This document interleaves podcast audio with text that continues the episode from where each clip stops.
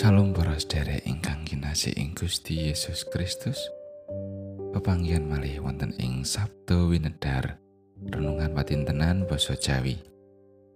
Sumangga sadèrèngipun kita nampi pangantikanipun Gusti kita ndedonga. Gusti Allah Rama kawula kasuwargan. Kawula ngaturaken agunging panuwun syukur dhumateng Gusti awit sakathahing berkah pangrimat paduka ing gesang kawula. Sakmenika Duh Gusti kawula nyawisaken manah kawula. Saperlu badhe nampeni pangantika paduka ingkang suci. Mugi Tuhan ingkang suci paring pepadang lan nyagetaken kawula. Mangertosi lan nindakaken dawuh paduka. Kawula ngurmaosi dereng saged ngecakaken dawuh paduka kanthi sampurna. Mugi Gusti kersa ngapunteni. Wonten ing asmanipun Gusti Yesus Kristus kawula ndedonga lan saos syukur. Amin. Wawasan kapendet saking Injil Lukas bab kalih likur, ayatipun tigang dosa songo dumugi sekawan dosa enam.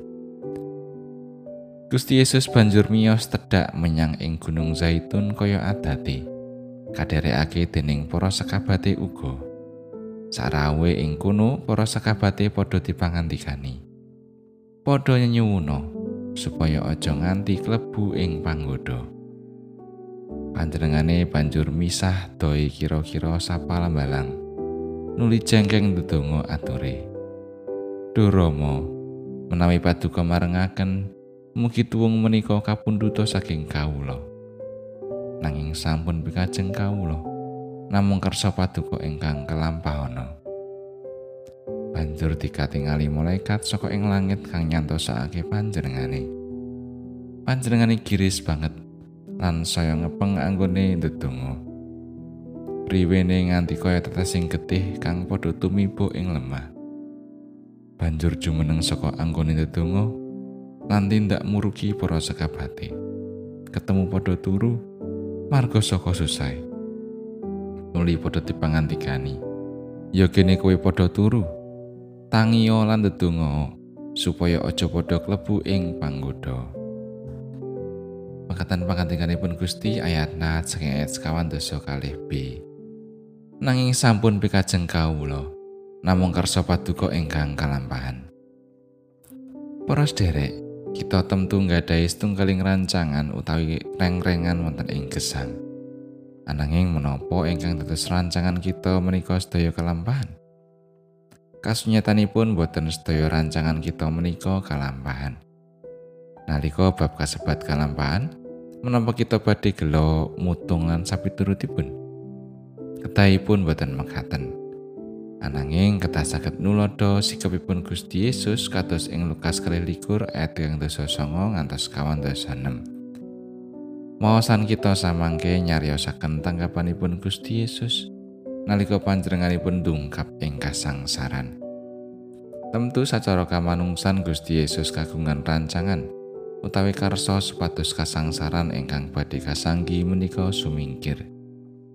Perkawis kasebat kacetha ing ayat sekawan dosa kali A. Pilih Gusti Yesus ugi nate kagungan pangangenangan supados kauwalaken saking margining kasangsaran ingkang kedah dipun lampahi. Ananging sasampunipun Gusti Yesus ngendika mengatakan, panjenenganipun ngrumaosi bilih sedaya ingkang kalampahan ing sugengipun menika namung atatales ing karsanipun Gusti. Dados ing ngriki manungsa boten nggadahi wenang. Meksa ingkang dados rancanganipun kedah kalampahan. Awit rancanganipun manungsa dereng tentu cocok kalian kersanipun Gusti. Lan dereng tentu sae ing ngarsanipun Sang Rama. Kersanipun Gusti ingkang kalampahan menika mesti sae tumrap gesanging manungsa lan datengaken tentrem rahayu. Pramila kita ingkang sami kaemutaken wekdal samangke sami nilingno pambar pilih sadengah rancangan kita pasrahaken dumateng Sang Rama. Nggada ana pamawas bilih namung kersanipun Gusti ingkang kedah kalampahan ing gesang kita. Sampun ngantos pikajeng kita. Awit menawi kersanipun Gusti ingkang kalampahan mila katentreman lan kasaenan lestantun kita tampeni menawi kepengin ngraosaken katentreman so karayon ing sauruting gesang mugi kita ndarbenono manah ingkang legawa nampi kersanipun Gusti Amin.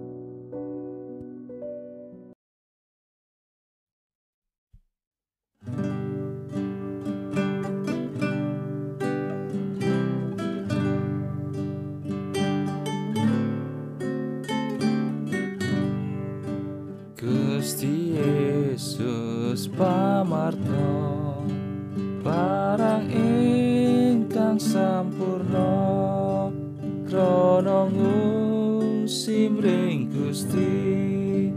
Kula dipun ayomi srana rae Sang Kristus.